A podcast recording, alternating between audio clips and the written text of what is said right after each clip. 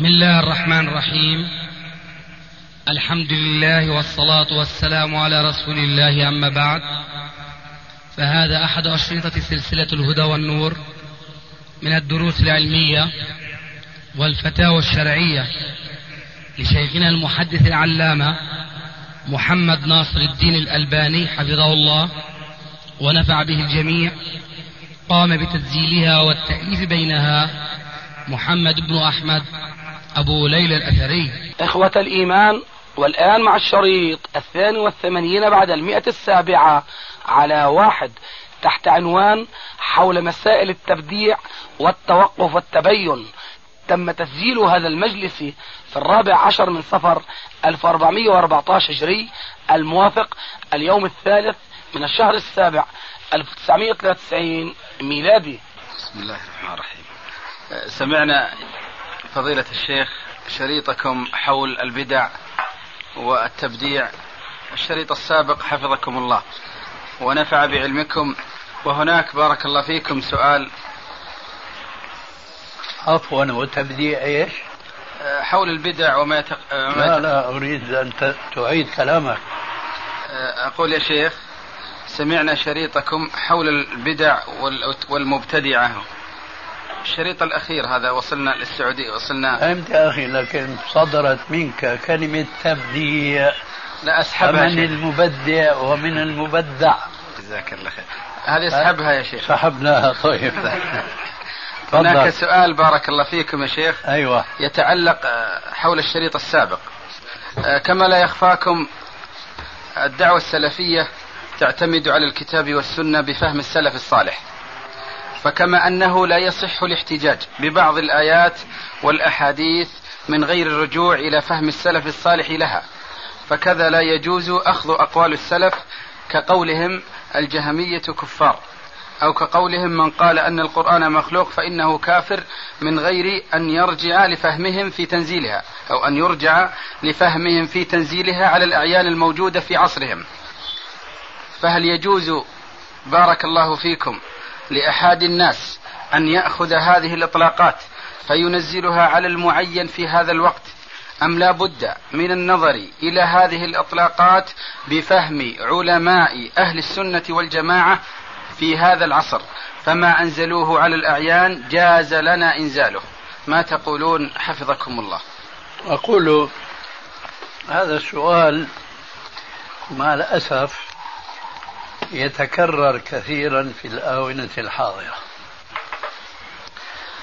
وجوابي يفهم من أجوبة سابقة لي منذ السنين الطويلة حول من هم بلا شك عندنا من الفرق الضالة إن لم نقل في الجملة إنها من الفرق الكافرة لأن الفرق التي أخبر النبي صلى الله عليه وآله وسلم عنها وأنها آه، كلها في النار فهي كلها في النار بلا شك لكن منهم من يخلد فيها أبدا ومنهم من ينجو منها. كل حسب خطئه. فإن كان خطأه كفرا صريحا وأقيمت الحجة عليه ثم أصر على كفره فهو في النار خالدا فيها أبدا. وإلا فهو في النار تحت مشيئة الله عز وجل التي تشمل كل شخص إلا من كان كافرا مشركا. وهنا لابد لي من وقفة قصيرة. لعلكم لا تفرقون معي بين الكفر والشرك وتعتقدون معي أن كل كفر شرك وأن كل شرك كفر. إذا كان الأمر كذلك فأمضي في إتمام الجواب وإما فلا بد لي من وقفة ها هنا. لا لا نرى التفريق يا شيخ. لا ترى التفريق. نعم.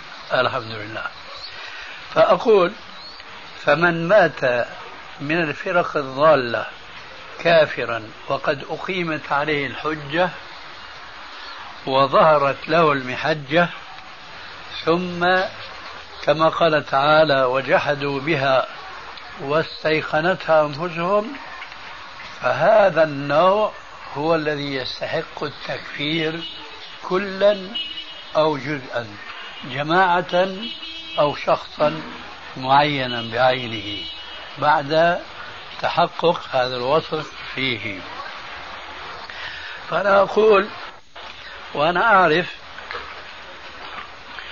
آه، تصريح كثير من علمائنا وأفاضلنا بتكفير الشيعة بل الرافضة. فأنا أقول في مثل هذه المناسبة نحن نكفرهم في الجملة وليس في التفصيل. وبالتعبير السوري أقول وبعض إخواننا يشهدون بهذا الذي أقول وفي مجالس عديدة لا يجوز التكفير بالكوم. مفهوم هذا اللفظ عندكم؟ وإنما بالأعيان والأشخاص. فمن آه، وقع في الكفر لا يلزم أن يقع الكفر عليه إلا بعد إقامة الحجة عليه. واضح؟ إذا كان هذا واضحا فمن باب أولى تعرف جواب سؤالك. شيخ قال بعض المشايخ الأفاضل بحضرتكم في جلسة علم عدم القيام للداخل من الأصول. لأنه فهم للصحابة لتوقير الرسول عليه الصلاة والسلام. آه فالسؤال هل هناك ضابط في معرفة الأصول من غيرها أم أننا نستطيع أن نقول أن الشرع كله أصول؟ لا هذه مسألة اصطلاحية محضة. لكن كأنه أشكن علي ما قلت آنفا. فأعد علي حتى أستوعب السؤال. ثم أتبين هل هو صحيح أم ليس بصحيح. آه، قال بعض المشايخ الأفاضل بحضرتكم في جلسة علم عدم القيام للداخل من الأصول لأنه فهم الصحابة لتوقير الرسول. هذا تعبير إذا كان روعي فيه الاصطلاح العلمي هذه مسألة فرعية. وليست مسألة أصولية. لكن لعل الناقل أو السامع أو الناطق تساهل هذا أو ذاك إما في التعبير أو في الفهم. فأنا أقول الآن إن مسألة القيام للداخل هي مسألة فرعية في اصطلاح العلماء وليست أصولية. لأنهم يعنون بالأصول هي القواعد وتارة يعنون بالأصول العقائد. ثم في الحالة الأولى حينما يعنون بالأصول القواعد فيعنون بما يقابلها بقولهم الفروع. وإذا عنوا بالأصول العقائد فيعنون بما يقابلها الأحكام. فمسألتنا هذه هي ليست من الأصول على الاصطلاحين.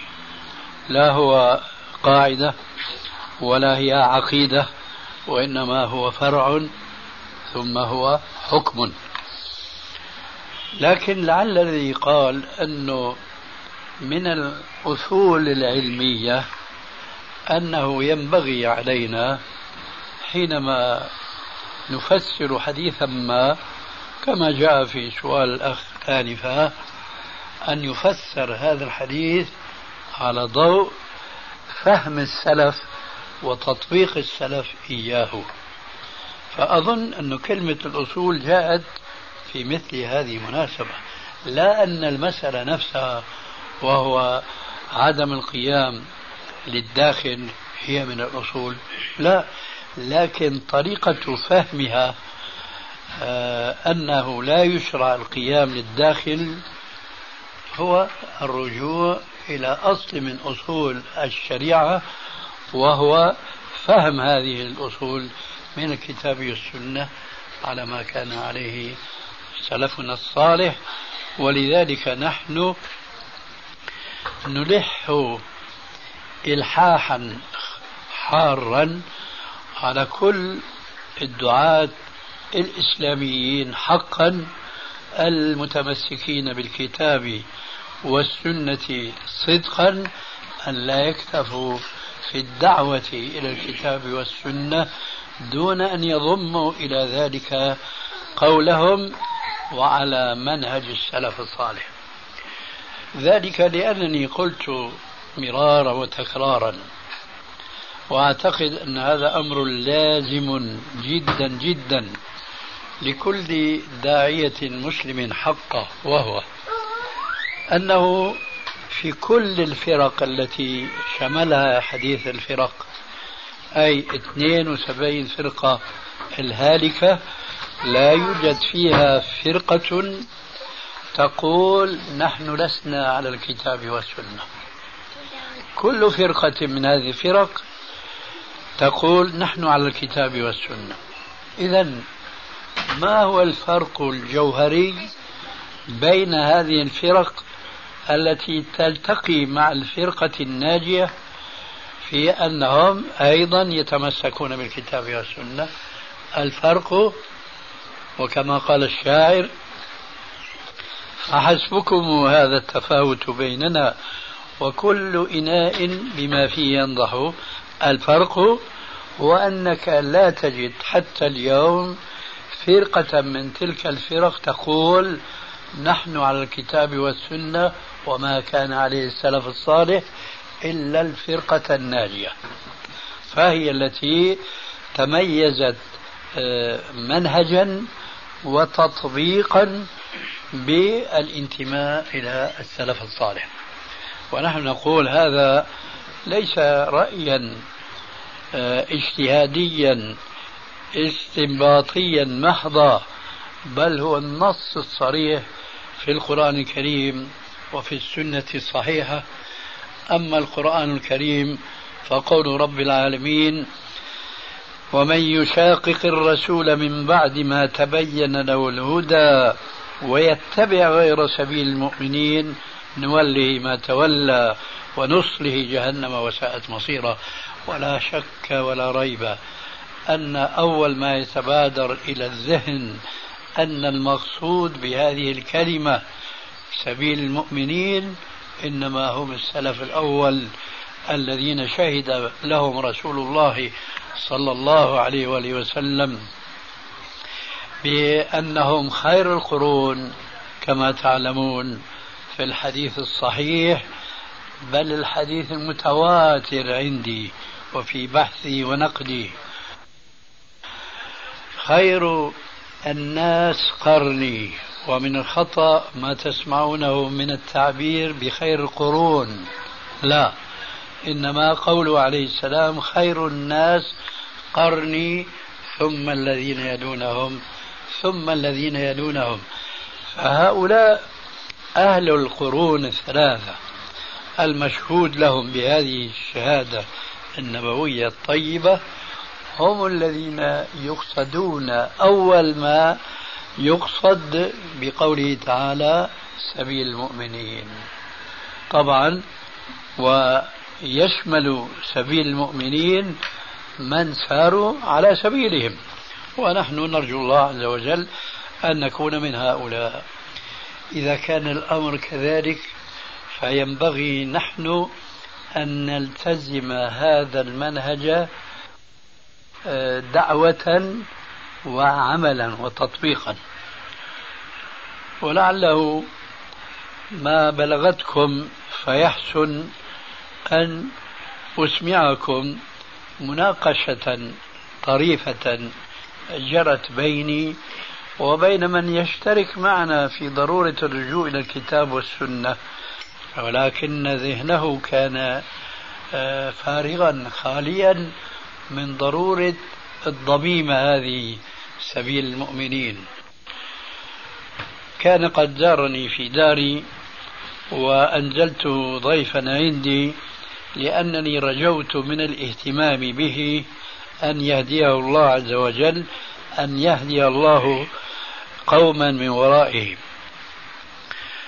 فلما كاد الوقت انصرافه بعد أيام أجريت المحاورة التالية بيني وبينه. قلت له لو سألك سائل ما مذهبك؟ ماذا تقول؟ قال مسلم. قلت هذا حيد عن الجواب. مسلم لو سألك ما دينك؟ تقول أنا مسلم؟ هذا جواب صحيح لكن السؤال كان ما مذهبك؟ فحينما تقول أنا مسلم أعتبرها أنا حيدة والدليل أنني سأقول لك لو أننا سألنا أي طائفة أو أي فرقة من الفرق الضالة التي أنت تعرفها اليوم سألناه هذا السؤال وأجابك بهذا الجواب هترضاه منه؟ اسأل الإباضي واسأل الخارجي والمرجئي والمعتزلي والشيعي والرافضي وإلى آخره. ما مذهبك؟ فيستعمل التقية معك كما فعلت أنت معي. يقول لك أنا مسلم لكنك لا تقنع بهذا الجواب. إذا ما هو الصواب في الجواب؟ عرف ما وراء الأكمة فأجاب أخيرا لكن بجواب أيضا غير صحيح. قال أنا مسلم على الكتاب والسنة. أضاف جملة كتاب والسنة. قلت على التعبير العسكري في بعض البلاد مكانك راوح. تعرفون مكانك راوح؟ يعني في حركة لكن ما في تقدم. قال لما؟ قلت لو سألنا أولئك الذين لم ترضى جوابهم الذي كان هو جوابك. ألا يقولون لك أيضا كما قلت أنت في المرة الثانية على الكتاب والسنة. يتفتح هو. قال إذا لابد من القول على الكتاب والسنة وعلى منهج السلف الصالح. هو معنا فكرا لكن ليس معنا تعبيرا واسلوبا. قلت حسنا الآن اتفقنا من حيث المنهج لكن الآن نريد أن نعبر. لو عدنا من حيث بدأنا وسألك سائل ما مذهبك؟ ماذا تقول؟ قال أقول عن الكتاب والسنة وعلى منهج السلف الصالح. قلت ألا يوجد في اللغة العربية ما يمكننا من تلخيص هذه الجملة الطويلة؟ كل ما سألك سائل لك تعطي تعطيك ليشة طويلة. لو أنا رجل ألباني والعرق دساس فقد أخطئ في التعبير فأنا أستعين بك. إذا لخصنا هذه الجملة كلها وسألك سائل ما مذهبك؟ قلت أنا سلفي. ألا يعبر عن هذه العبارة الطويلة؟ فأقر بهذا الجواب. إذا نحن لماذا انتسبنا إلى السلف؟ ولماذا نسمي أنفسنا بالسلف أو السلفي لأننا نريد أن نفهم الناس دعوتنا لفظا وتطبيقا. فهذا القيام الذي أعتاده الناس الآن كيف نفهمه؟ نفهمه على ما جرى عليه سلفنا الصالح. إلى اليوم لا يزال كثير من العلماء يفسرون قوله عليه السلام من أحب أن يمثل له الناس. وفي لفظ أن يتمثل له الناس قياما فليتبوأ مقعده من النار. في تفسير هذا الحديث قولان الأول من أحب أن يتمثل له الناس قياما وهو جالس. فعل فارس بعظمائها والقول الثاني لا من أحب إذا دخل مجلسا أن يقوم الناس له قياما كما لو أمرهم أن يقوموا له فامتثلوا لأمره. إلى اليوم هذا التفسير بهالوجهين موجود. إذا جئنا إلى تطبيق الصحابة والرسول عليه الصلاة والسلام مع أصحابه الكرام لمعنى هذا الحديث. كيف كان؟ إذا قيل بالقول الأول أي هو جالس وهم قيام معنى ذلك أنه إذا دخل وقاموا لم يشمله الحديث. أليس كذلك؟ أنتم معي أم لستم معي؟ طيب لكن السلف لم يفهموا الحديث هكذا والدليل أن سبب رواية الصحابي لهذا الحديث من أحب أن يتمثل له الناس قياما ليس لأنه كان جالسا وقاموا أي فعلوا به فعل فارس والروم بعظمائها. وإنما روى هذا الحديث حينما دخل مجلسا كهذا المجلس فقام له بعض الناس فنهاه عن ذلك وقال إني سمعت رسول الله صلى الله عليه وآله وسلم يقول من أحب أن يتمثل له الناس قياما فليتبوأ مقعده من النار. إذا هذا الصحابي الذي سمع هذا الحديث من الرسول فهمه بالمعنى الثاني وليس بالمعنى الأول وهكذا كانت حياة السلف الصالح. لا يعرفون هذا القيام الذي تعرفونه في بلادكم مع آل العلم والفضل وغيرهم أيضا. ولا أزيد على هذا. فهذا القيام لم يكن معروفا في عهد الرسول عليه السلام بل قد حدثنا بمن صحب النبي عليه الصلاة والسلام عشر سنين يخدمه لله. قال ما كان شخص أحب إليهم من رسول الله صلى الله عليه وآله وسلم رؤية وكانوا لا يقومون له لما يعلمون من كراهيته لذلك.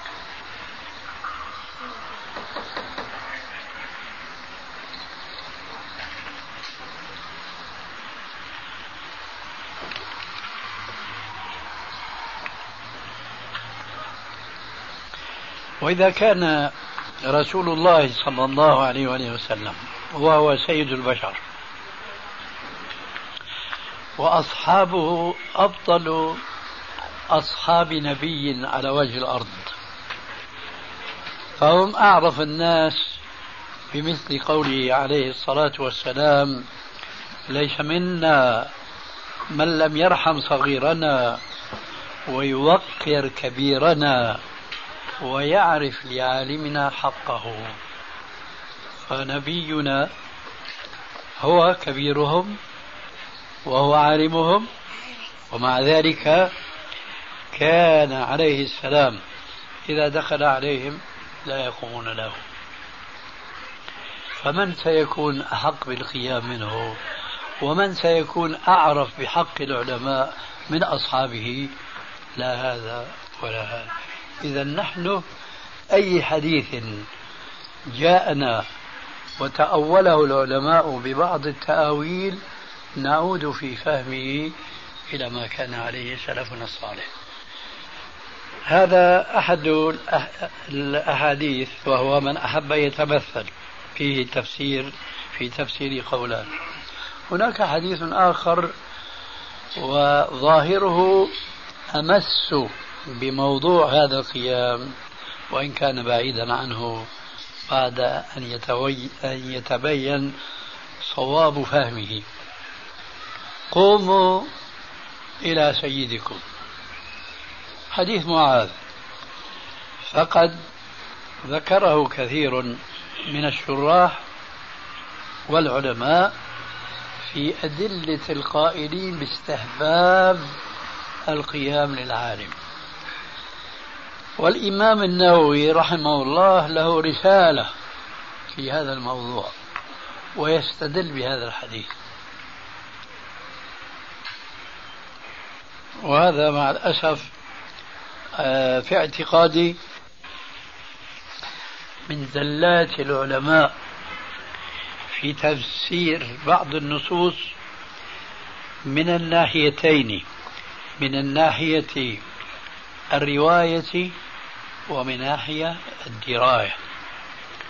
أما الرواية فالحديث بلفظ قوموا إلى سيدكم وليس قوموا لسيدكم الحديث في صحيح البخاري وغيره قوموا إلى سيدكم وليس بلفظ قوموا لسيدكم وأظنكم أقول هذا حتى لا نتوسع في البديهيات من الأمور. فأقول أقول بأنكم تفرقون معي أيضا بين ما عليه رواية الحديث قوموا إلى سيدكم وبين ما يحرفه بعضهم دون قصد إلى قوموا لسيدكم. فأنتم معي في الفرق بين التعبيرين بين التعبير الصحيح قوموا إلى سيدكم وبين التعبير المحرف قوموا لسيدكم. أليس كذلك؟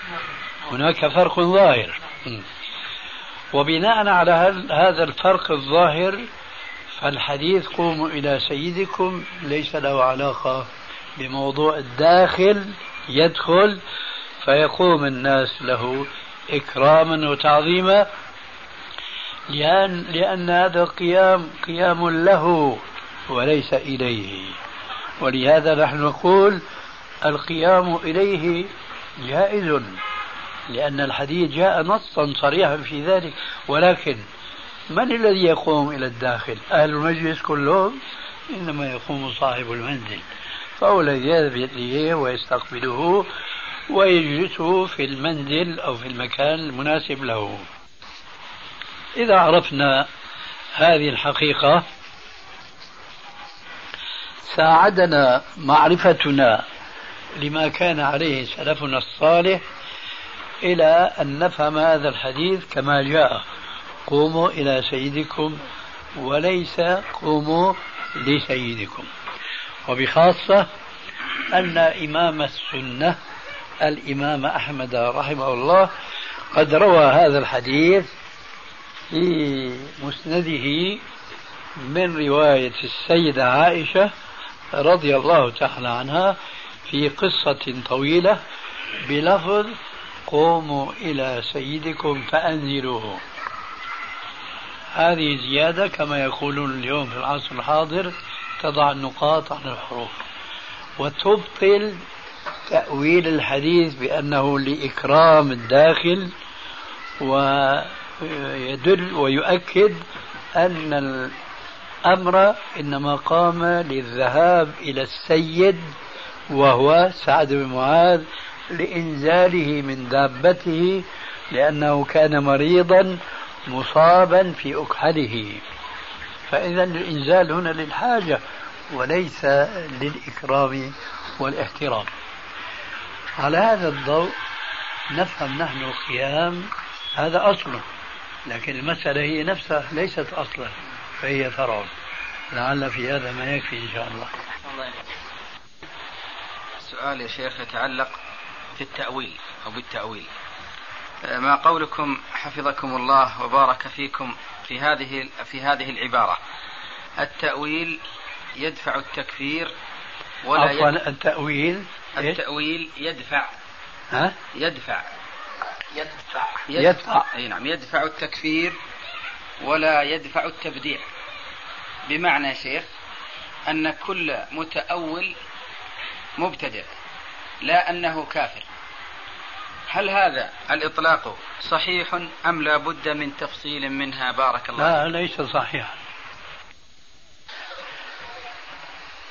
أليس صحيح شيخ؟ ليس صحيحا. واصبر عليه بارك الله فيك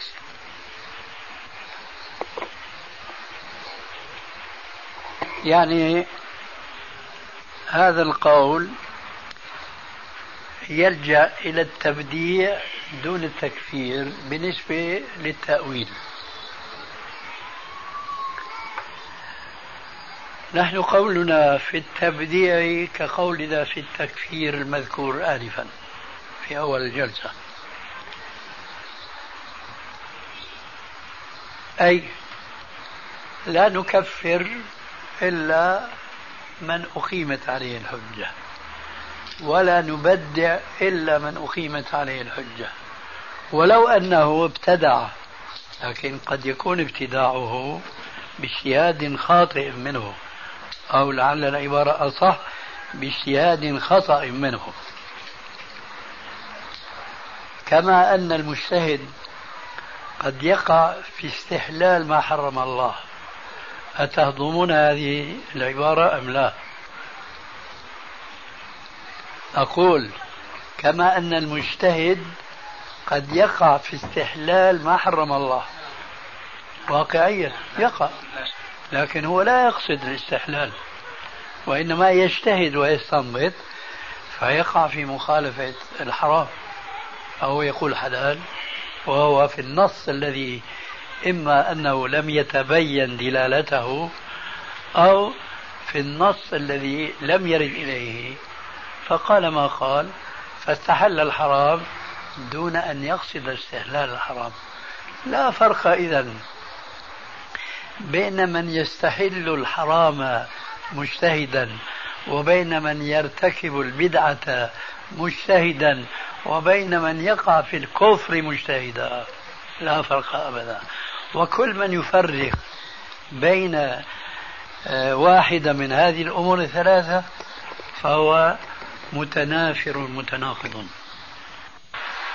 نسمع بارك الله فيكم يا شيخ بجماعة يطلق عليها جماعة التوقف والتثبت. فهل لا تكرمتم بإعطائنا نبذة شافية وكافية حولها؟ من هو المؤسس لها؟ وأين نشأت؟ وما هي أفكارها؟ بارك الله فيكم يا شيخ.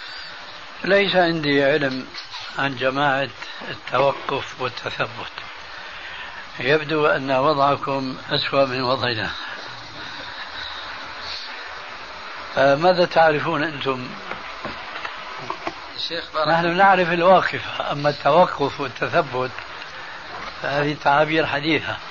هذه حفظكم الله يا شيخ يطلق عليها جماعة التوقف أو جماعة التبين. هؤلاء يا شيخ يقولون آه، مثلا في الرجل الأصل فيه التوقف مثلا.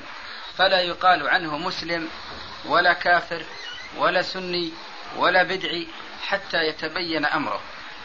فماذا تقولون حفظكم الله في هذه القاعدة أو في هذه الجماعة أو في هذه المقولة؟ ولو سمعوه يقول أشهد أن لا إله إلا الله محمد رسول الله ورأوه يصلي مع المسلمين يبدو أن الأمر هكذا. نعم. ها؟ ولو يعني. هذا هو منتهى الضلال. يعني لا سيما يا شيخ يوجد عندنا في السعودية بعض الفئات هداهم الله لا يسلمون على الرجل بحجة أنه متوقف في أمره.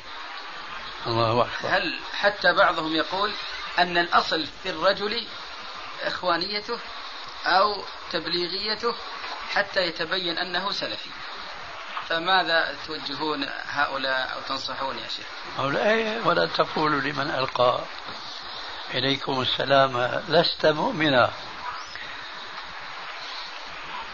القصة المذكورة في الصحيحين لما صار المشرك تحت ضربة السيف قال لا إله إلا الله فما بالاه وقتله. تعرفون هلا شققت عن قلبه؟ هؤلاء يبدو أنهم مبتدعة محدثون. يعني جاءوا ب يعني فرقة جديدة.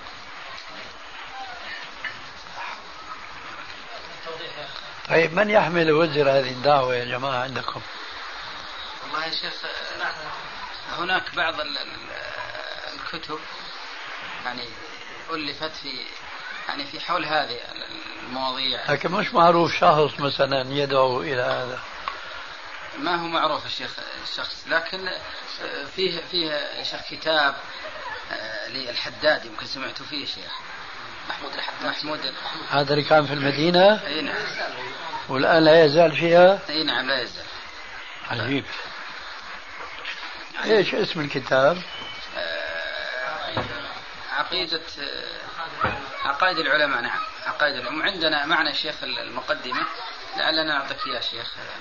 طيب ليه المقدمة مش؟ يعني فيها بعض الملاحظات بارك الله لا يعني الكتاب كله مش منشور؟ لا منشور يا شيخ وفيه أمور كثيرة لكننا أخذنا زي ما تقول ال- ال- ال- المختصر يعني لعل الجل يغني عن الكل أو كذا. طيب آه، علمنا الذي وصلنا أنه من تلامذة الشيخ آه، اسمه ال- الشيخ الأنصاري.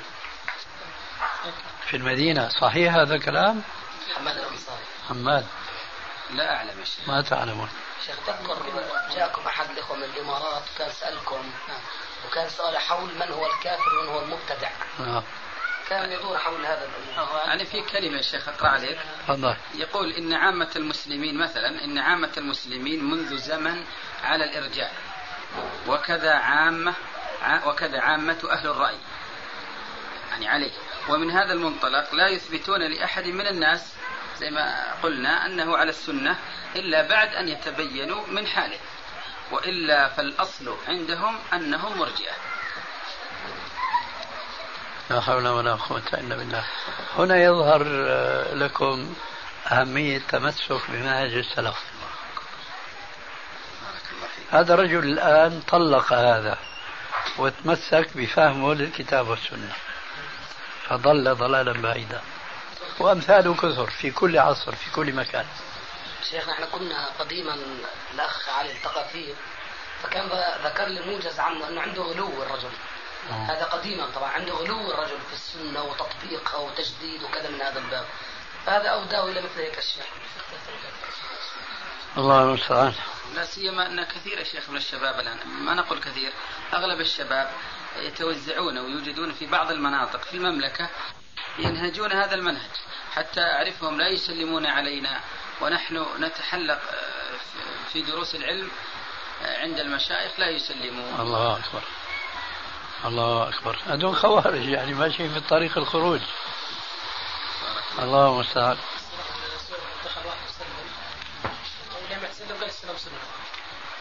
يقول يا شيخ دخل واحد منهم على بعض الشباب في مكتبة فلم يسلم فسأل الأخ مشعار لماذا لا تسلم؟ قال السلام سنة. ها؟ أي نعم. سبحان هذا الله. الجواب إذا لقيته فسلم عليه والله هذا الجواب يا شيخ. الله أكبر. شيخ في سؤال صراحة يعني جديد ويتعلق في مسألة الدعوة إلى الله عز وجل يا شيخ. هناك يا شيخ مع الأسف وأقولها بكل مرارة بعض التسجيلات الإسلامية عندنا في المملكة العربية السعودية تتبنى طريقة في التسجيل بحيث أنها تضع مثلا شريط وعظي عن الموت أو عن مثلا آه، امرأة تتكلم مثلا بالهاتف أو غيره ويضعون مقدم مقدمة في الشريط إما ال- الموسيقى أو بعض الطقات أو بعض حتى أن أن أسمعت الشريط الشيخ علي آه، اليوم فربما لعل لعلكم تسألون الشيخ علي ينقل لكم الصورة. فعلا والله محزنة. يعني تتمثل بصورة امرأة تكلم رجل بالهاتف والرجل نسأل الله السلامة يذهب بالسيارة هو المرأة والصوت السيارة تقف. وينزل الرجل المرأة وصوت البحر كأنه ذاهب بها للبحر نسأل الله السلامة والعافية. وثم بعد ذلك تسمع صوت الرجل وكأنه يقع آه، في زوجته. ثم بعد ذلك تصرخ المرأة. ثم بعد ذلك يأتي صوت الذئب لأن مضمون أو عنوان الشريط الذئاب البشرية. الله. ثم بعد ذلك يأتي الأحاديث القرآن وهذا موجود عند الشيخ علي حسن. وصراحة يعني ماذا يعني أحاديث ال- والآية القرآنية في إي نعم لا لكن بعد المقدمة. آه. هذه يعني في النهي عن هذا الشيء. إي نعم في النهي عن الله أكبر. يعني كأنهم يجرون إلى أمر نسأل الله السلامة. فماذا تنصحنا يا شيخ؟ تنصح هؤلاء أو ماذا العمل؟ أو أفدنا بارك الله فيك يا شيخ. والله يا أخي شر الفتن ما يجعل الحليم حيرانا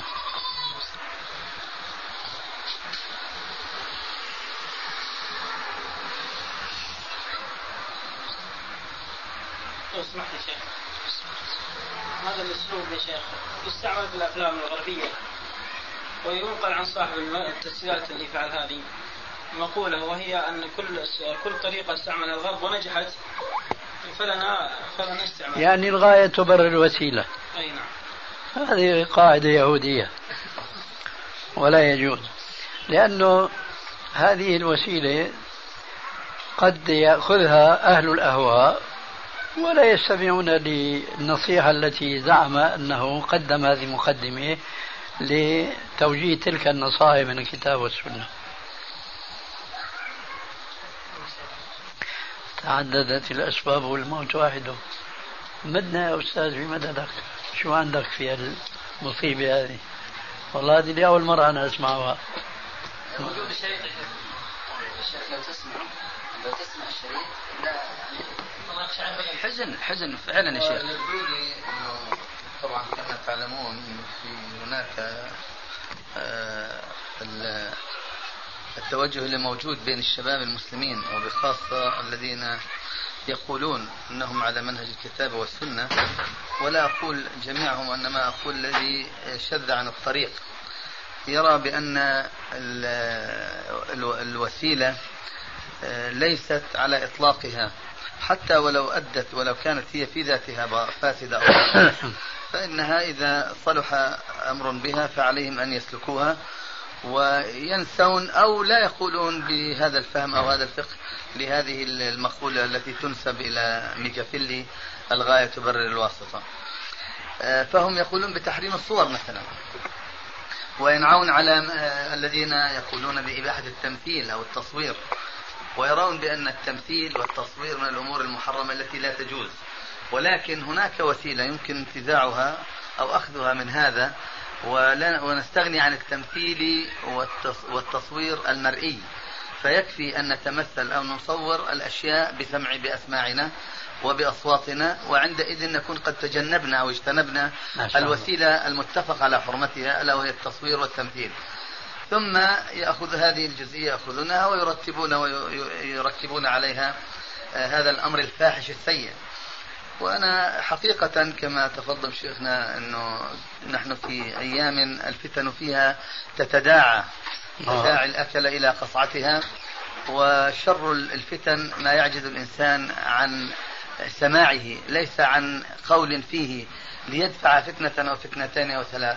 لكن أقول بأن هذا علاج طبعا ليس في أيدينا ولا في أيديكم أنتم مهما حاولتم. لأن هناك أيضا أمور من الفواحش كثيرة وربما تكون أشد فحشا وأصعب من هذه ويسكت عنها. فأقول آه، العلاج أنه من عند هؤلاء أن يتصل بهم اتصالا مباشرا الذين يصنعون هذا. لا يغني أن نظل في نقد لهم من بعيد ولكن يجب علينا أن نذهب إليهم ونبين لهم الحكم الشرعي في هذه المسألة. وأن الوصول إلى تحصيل الغاية بهذه الواسطة وبهذه الوسيلة لا شك أنها محرمة ولا يجوز مطلقا وأن هذا مما يفتح بابا أكبر. وأوسع. وستصبح التسجيلات الإسلامية في المستقبل. ما دام أننا فتحنا هذا الباب وأجزناه يكون هناك شر أكبر وأكبر. وربما يأتي اليوم الذي نرى فيه الفيديو الذي يبيح الفاحشة المنظورة والمسموعة معا أمر أمرا ليس فيه محظور. فهذا أولا يعني أن ينبه هؤلاء ويخوفون بالله وباليوم الآخر إلى غير ذلك. وثم بعد ذلك أن يعمل على توعية الشباب بأن هذه وسيلة محرمة وبأنه لا يجوز شراء مثل هذا الشريط ولا التشجيع عليه. وهناك أيضا إن الله لا يزع بالسلطان ما لا يزع بالقرآن هذا هو الأصل. لا بأس أن تتصلوا بالآمرين بالمعروف والنهي عن المنكر وأن تبينوا لهم يعني تحصوا لهم هذه الدور أو هذه التسجيلات التي تقوم مثل هذا التسجيل.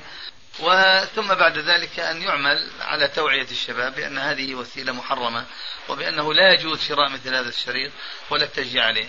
وهناك أيضا إن الله لا يزع بالسلطان ما لا يزع بالقرآن هذا هو الأصل. لا بأس أن تتصلوا بالآمرين بالمعروف والنهي عن المنكر وأن تبينوا لهم يعني تحصوا لهم هذه الدور أو هذه التسجيلات التي تقوم مثل هذا التسجيل أن تصادر مثل هذه الأشرطة وهذه التسجيلات.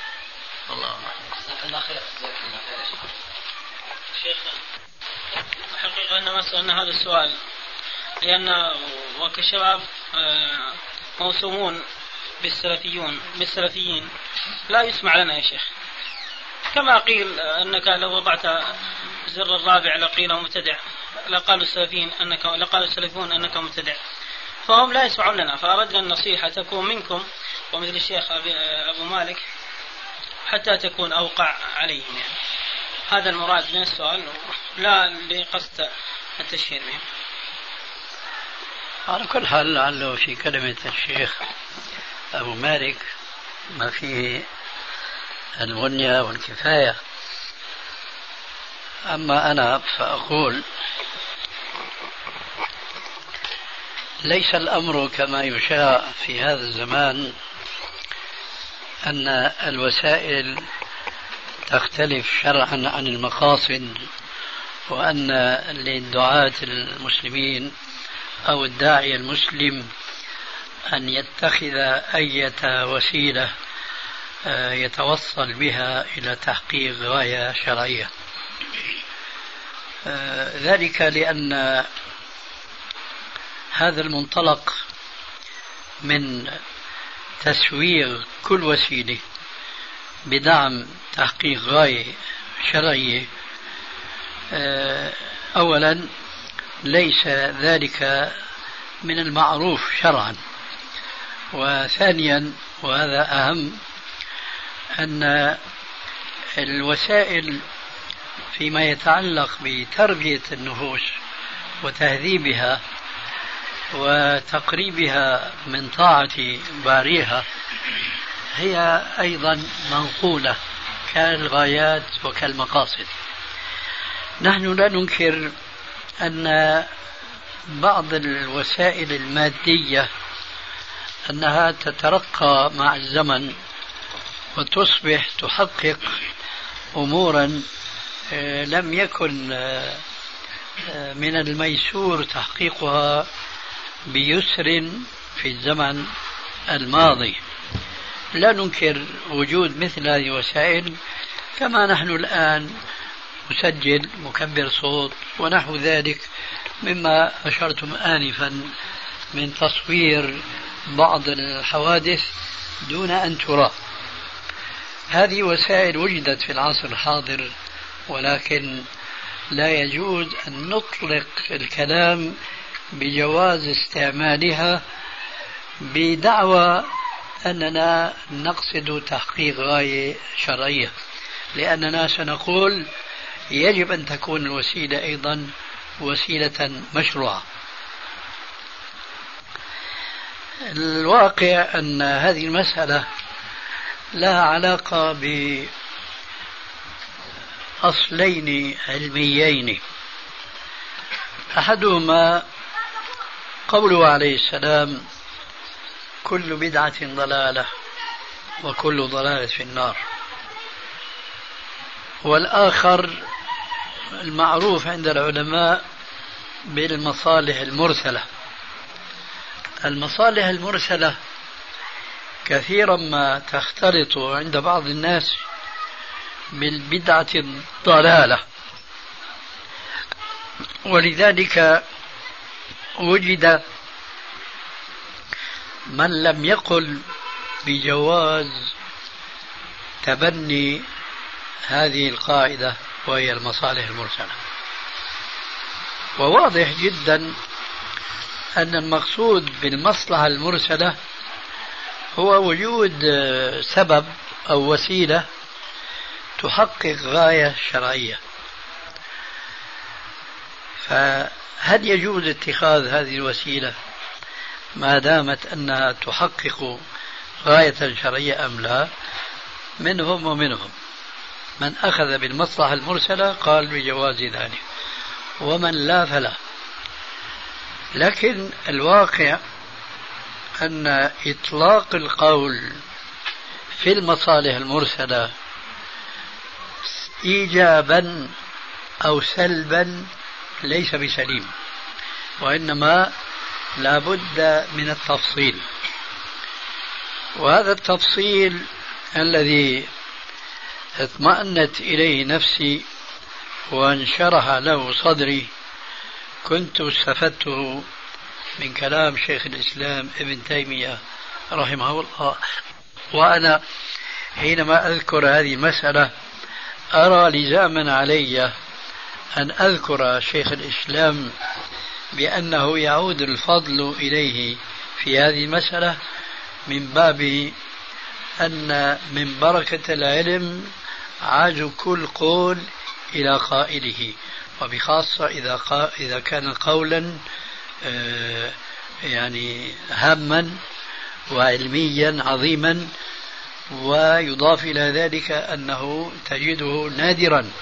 لا تجده في بطون كتب العلماء الفطاهل من العلماء. هو يأتي بالتفصيل التالي. الوسيلة التي حدثت ويرجى منها تحقيق مصلحة للمسلمين يجب أن تدرس هذه الوسيلة. هل هي كانت قائمة في عهد الرسول عليه السلام المقتضي للأخذ بها أم لم يكن. فإن كان المقتضي قائما للأخذ بها وهي وسيلة فعلا تحقق الغاية التي يرمي إليها المتمسك بها فيما بعد باسم المصالح المرسلة. مع ذلك فالرسول صلى الله عليه وآله وسلم لم يأخذ بهذه الوسيلة وبالتالي لم يحقق تلك الغاية فلا يجوز لنا أن نأخذ بهذه الوسيلة ولو كانت تحقق غاية شرعية لماذا؟ لأن في أخذنا إياها استدراكا على الرسول صلى الله عليه وآله وسلم القائل ما تركت شيئا يقربكم إلى الله إلا وأمرتكم به فلو كانت هذه الوسيلة وهي متيسرة في عهده عليه السلام وممكنة لو كانت مقصودة لإيصال الغاية التي يقصد بها أخيرا بهذه الوسيلة لكان الرسول عليه السلام قد أخذ بها. ومن هنا يقول علماء السلف لو كان خيرا لسبقونا إليه. هذا كله فيما إذا كان السبب المقتضي للأخذ بتلك الوسيلة قائما.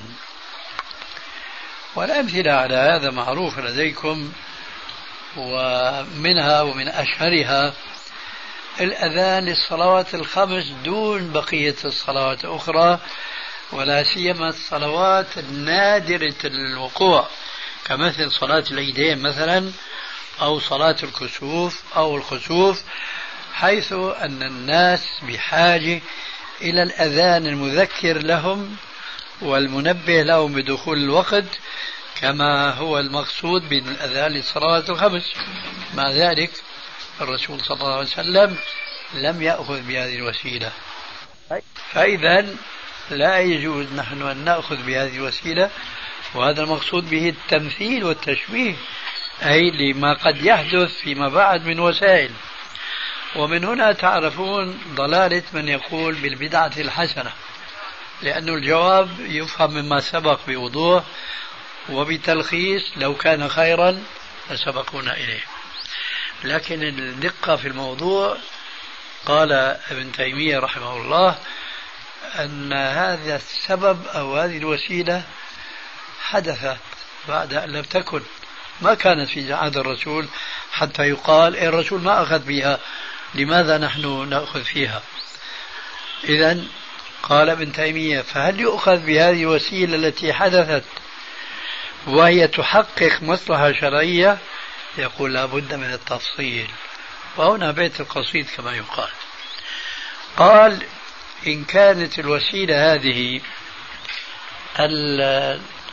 الوازع أو الدافع إلى الأخذ بها هو إخلال المسلمين بالأخذ بالوسائل الشرعية التي تحقق تلك الغايات الشرعية أيضا. حينئذ لا يجوز الأخذ بهذه الوسيلة ولو كانت تحقق غاية شرعية. من أوضح الأمثلة على ذلك وتشترك مع المصلحة المرسلة كما سيأتي بيانه. هذه الضرائب والمكوس التي تفرض اليوم على الشعوب الإسلامية تقليدا من هؤلاء الحكام للحكام الكفار في بلاد الكفر والضلال. أولئك الكفار ليس عندهم من التشريع. ما عند المسلمين. ليس عندهم من الوسائل المشروعة لتغذية مال آه، عفوا لتغذية خزينة الدولة بالموارد المالية الكثيرة. لا يوجد عند الأوروبيين كما يوجد عند المسلمين. ولذلك هم اضطروا لوضع هذه المكوس وهذه الضرائب حتى يتمكنوا من تسيير دولتهم ولو على ضلالهم المبين. فلما أخذ المسلمون بهذه الوسائل بقصد تغذية بيت مال المسلمين ولإدارة شؤون المسلمين هل يجوز الأخذ بهذه المكوس وهذه الضرائب؟ الجواب لا أولا ثم بلى في بعض الظروف الطارئة ثانيا. أما لا أولا لأن هذه الحكومات التي تبنت هذه الضرائب وهذه المكوس أعرضت عن النظام الاقتصادي الإسلامي الذي يغذي خزينة الدولة بالموارد الشرعية المالية. مثلا جمع أموال الزكاة من الأغنياء. هذا النظام غير مطبق اليوم في ظن كل الدول الإسلامية. فهناك ليس هناك نظام الجبات لجمع زكوات الثمار وجمع زكوات المواشي ونحو ذلك. هذا في علمي. أما أكثر البلاد الإسلامية فيقينا أن نظام جمع الأموال هذه أصبح نسيا منسيا. فاستعاضوا بديلها فرض هذه المكوس والضرائب وسووا بين الأغنياء والفقراء فجمعوا بين ظلمين اثنين. الظلم الأول الإعراض عن تطبيق أحكام الشريعة والظلم الثاني الذي صبوه على الفقراء والمساكين الذين آه، ربنا عز وجل لم يفرض عليهم في أموالهم حقا معلوما حتى يأتي هؤلاء الحكام الظلام فيفرضون على أموالهم حقا معلوما. لذلك هذه الوسيلة ولو أنها تحقق غاية مشروعة لا يجوز الأخذ بها لأن هناك وسائل شرعية تغنيهم عن اللجئ إلى هذه الوسائل الطارئة الحديثة. قلت آنفا إنه قد يمكن فرض ضرائب ويكون ذلك من باب المصلحة المشروعة حقا فيما لو فجأة العالم الإسلامي أو الدولة المسلمة آه، عدو غادر فهاجم طرفا من بلاد المسلمين وتطلب ذلك من الحاكم المسلم إعداد قوة لقهر هذا العدو وإرجاعه القهقرة. فلم يجد في خزينة الدولة من المال ما يكفي للقيام بهذا الواجب حين ذاك يشرع لهذا الحاكم أن يفرض ضرائب بقدر ما يصد هذا العدو عن البلد المسلم وليس بمثل ذاك النظام العام يستوي فيه الغني والفقير والقادر مع العاجز لا. وإنما كل بحسب قدرته وطاقته. فإذا تحققت المصلحة ورد العدو القهقرة ألغي هذا النظام المالي لأن النظام المستقر شرعا يغني البلاد المستقرة في الأوضاع الطبيعية عن أي فرض لضريبة طارئة.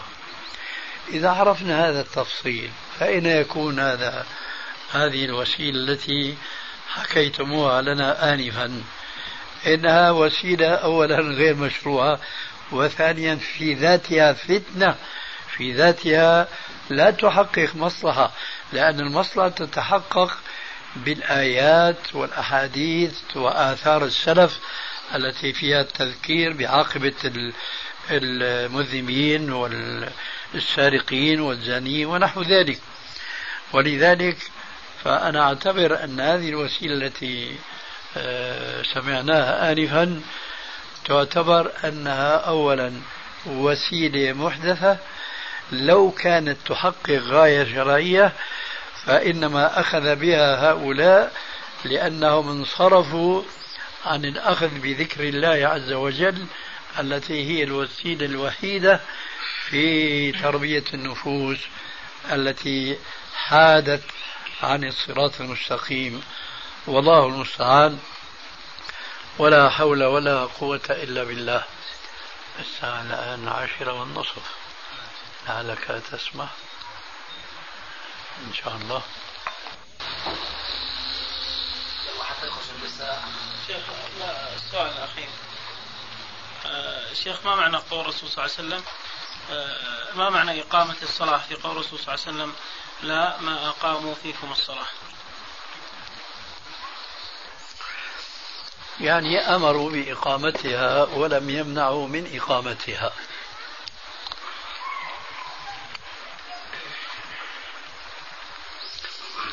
هذا الذي أفهمه من الحديث. آه، هل هناك شيء؟ هذا الجواب يعني بإيجاز يعني عندنا والله الحمد يعني نصلي ما يصلون إن شاء الله عز وجل لكن بعضهم قال وهل لما سألناه أو لما استدلينا عليه بالحديث قال الرسول صلى الله عليه وسلم لا ما أقاموا فيكم الصلاة على عدم جواز الخروج على الحكام. قال وهل أقاموها فعلا؟ وسكت. ولم يبين مراده الحين يتوقف عن الكلام. ظننت أن لها مرادا آخر. أولا بارك الله فيك. إذا كان المقصود يعني الخروج إذا لم يقيموا الصلاة فنحن نفهم شيء آخر بعد أن فهمنا أن وراء الأكمة ما وراء. ما أقوموا الصلاة هو ضد الكفر الصراح. فإقامتهم الصلاة ولو بالمعنى الذي ذكرته آنفا هو الذي ينفي عنهم الكفر الصريح. وحينئذ فالأحاديث يفسر بعضها بعضا. حينما جاء في بعض الأحاديث في صحيح مسلم أفلا نقاتلهم؟ قالوا لا ما أقاموا الصلاة.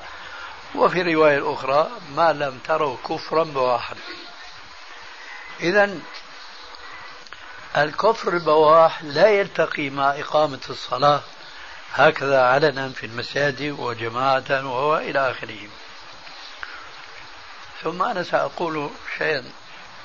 طالما قلته. إن فسروا ما أقاموا الصلاة بأنهم ما أقاموها فمعنى ذلك أنهم رأوا منهم الكفر الصريح. ولازم ذلك جواز الخروج. حينئذ سنأتي المسألة من نهايتها. هب أننا رأينا الكفر الصريح وأنهم منعوا من الصلاة كما يقع الآن في كثير من البلاد.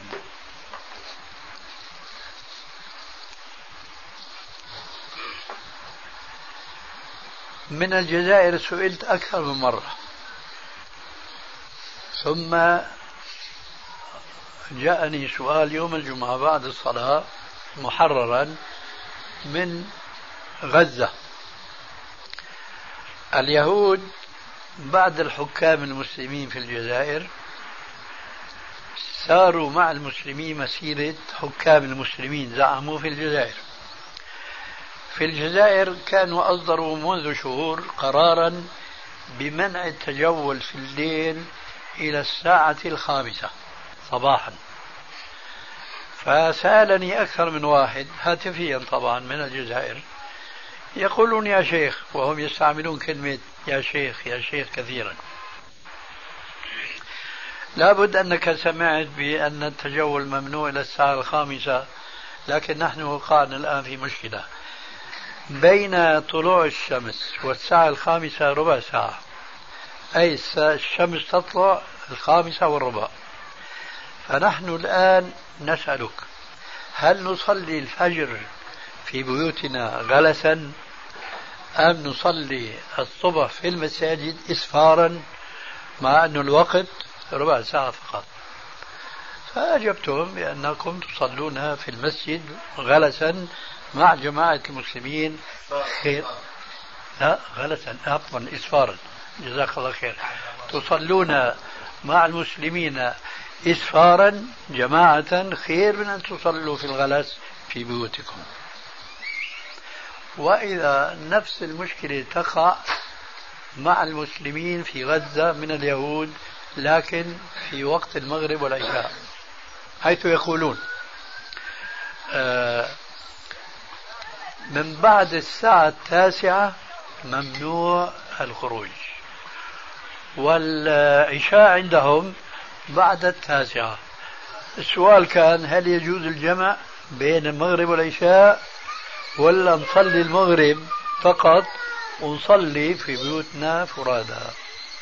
فأنا رأيت أن يصلوا جمعا في في بيت الله عز وجل جماعة جمعا خير من أن يصلوا فرادى صلاة العشاء الآخرة في بيوتهم.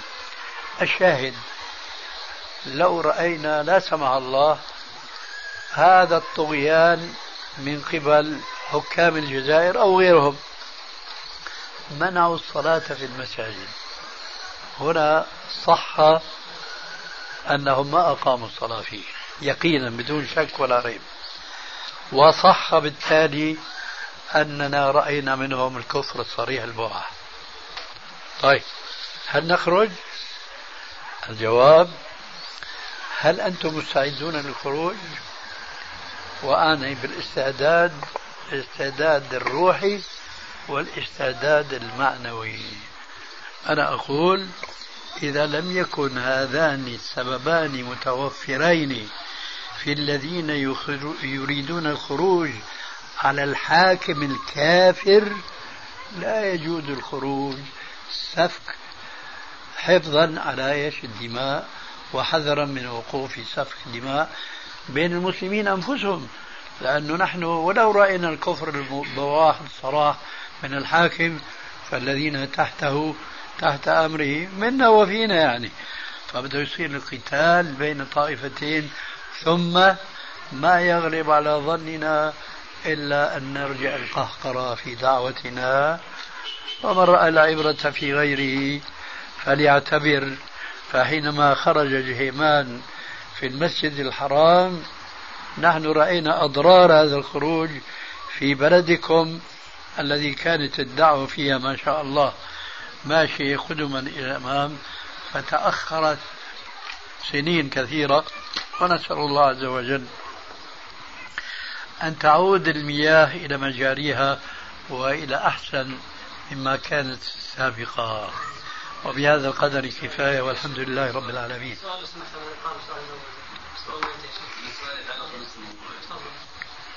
هل يشترط لأحد الناس أم لا ما يصح على إذا عرفت أن المقصود من عدم الخروج من الجماعة التي لا تحقق الغاية من الخروج عرفت أن خروج الفرد هذا إنما هو إلقاء للنفس التهلكة فلا يجوز. وسبحانك اللهم وبحمدك أشهد أن لا إله إلا أنت أستغفرك وأتوب إليك. نعم. يلا بسم الله. أعوذ بالله السميع العليم من الشيطان الرجيم من همزه ونفخه ونفخه. بسم الله الرحمن الرحيم.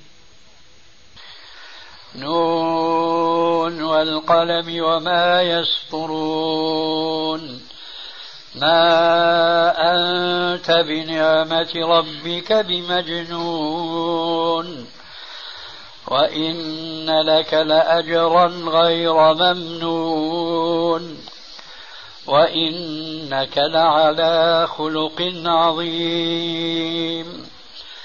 فستبصر ويبصرون بأيكم المفتون إن ربك هو أعلم بمن ضل عن سبيله وهو أعلم بالمهتدين فلا تطع المكذبين ودوا لو تدهن فيدهنون. ولا تطع كل حلاف مهين. هماز مشاء بنميم. مناع للخير معتد أثيم. عتل بعد ذلك زنيم أن كان ذا مال وبنين. إذا تتلى عليه آياتنا قال قال أساطير الأولين. سنسمه على الخرطوم. إنا بلوناهم كما بلونا أصحاب الجنة إذ أقسموا ليصرمنا مصبحين ولا يستثنون فطاف عليها طائف من ربك وهم نائمون فأصبحت كالصريم.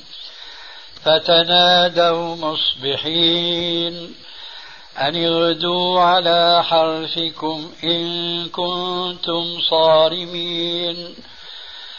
فانطلقوا وهم يتخافتون. ألا يدخلنها اليوم عليكم مسكين. وغدوا على حرد قادرين. فلما رأوها قالوا إنا لضالون بل نحن محرومون. قال أوسطهم ألم أقل لكم لولا تسبحون. قالوا سبحان ربنا إنا كنا ظالمين. فأقبل بعضهم على بعض يتلاومون. قالوا يا ويلنا إنا كنا طاغين. عسى ربنا أن يبدلنا خيرا منها. إنا إلى ربنا راغبون. كذلك العذاب. ولعذاب الآخرة أكبر لو كانوا يعلمون. أعوذ بالله السميع العليم من الشيطان الرجيم من همزه ونفثه ونفخه. وقال الذي آمن يا قوم اتبعون أهدكم سبيل الرشاد. يا قوم إنما هذه الحياة الدنيا متاع. وإن الآخرة هي دار القرار. من عمل سيئة فلا يجزى إلا مثلها. ومن عمل صالحا من ذكر أو أنثى وهو مؤمن فأولئك يدخلون الجنة يرزقون. يرزقون فيها بغير حساب. ويا قوم ما لي أدعوكم إلى النجاة وتدعونني إلى النار. تدعونني لأكفر بالله وأشرك به ما ليس لي به علم. وأنا أدعوكم إلى العزيز الغفار. لا جرم أن ما تدعونني إليه ليس له دعوة ليس له دعوة في الدنيا ولا في الآخرة.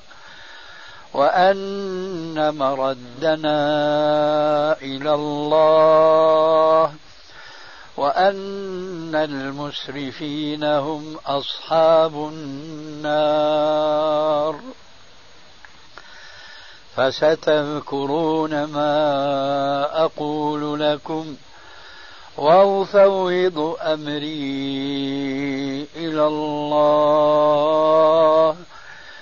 إن الله بصير بالعباد. أعوذ بالله السميع العليم من الشيطان الرجيم من همزه ونفخه ونفخه. تبارك الذي جعل في السماء بروجا وجعل فيها سراجا وقمرا منيرا. وهو الذي جعل الليل والنهار خلفة خلفة لمن أراد أن يتذكر أو أراد شكورا. وعباد الرحمن الذين يمشون على الأرض هونا وإذا خاطبهم الجاهلون قالوا سلاما. والذين يبيتون لربهم سجدا وقياما والذين يقولون ربنا اصرف عنا عذاب جهنم إن عذابها كان غراما إنها ساءت مستقرا ومقاما والذين إذا أنفقوا لم يسرفوا ولم يقتروا وكان بين ذلك قواما والذين لا يدعون مع الله إلها آخر ولا يقتلون النفس التي حرم الله إلا بالحق ولا يزنون ومن يفعل ذلك يلقى ثاما يضاعف له العذاب يوم القيامة ويخلد ويخلد فيه مهانا. إلا من تاب وآمن وعمل عملا صالحا فأولئك يبدل الله سيئاتهم حسنات. وكان الله غفورا رحيما. ومن تاب وعمل صالحا فإنه فإنه يتوب إلى الله متابا. والذين لا يشهدون الزور. وإذا مروا باللغو مروا كراما. والذين إذا ذكروا بآيات ربهم لم يخروا لم يخروا عليها صما وعميانا والذين يقولون ربنا هب لنا من أزواجنا ربنا هب لنا من أزواجنا وذرياتنا قرة أعين واجعلنا للمتقين أولئك أولئك يجزون الغرفة بما صبروا ويلقون فيها تحية وسلاما. خالدين فيها حسنت مستقرا ومقاما. قل ما يعبأ بكم ربي لولا دعاؤكم فقد كذبتم فسوف يكون لزاما. أعوذ بالله السميع العليم من الشيطان الرجيم من همزه ونفثه ونفخه. يا أيها الذين آمنوا اتقوا الله حق تقاته ولا تموتن ولا تموتن إلا وأنتم مسلمون. واعتصموا بحبل الله جميعا ولا تفرقوا. واذكروا نعمة الله عليكم إذ كنتم أعداء فألف بين قلوبكم. فألف بين قلوبكم فأصبحتم بنعمته إخوانا. وكنتم على شفا حفرة من النار فأنقذكم منها. كذلك يبين الله لكم آياته لعلكم تهتدون.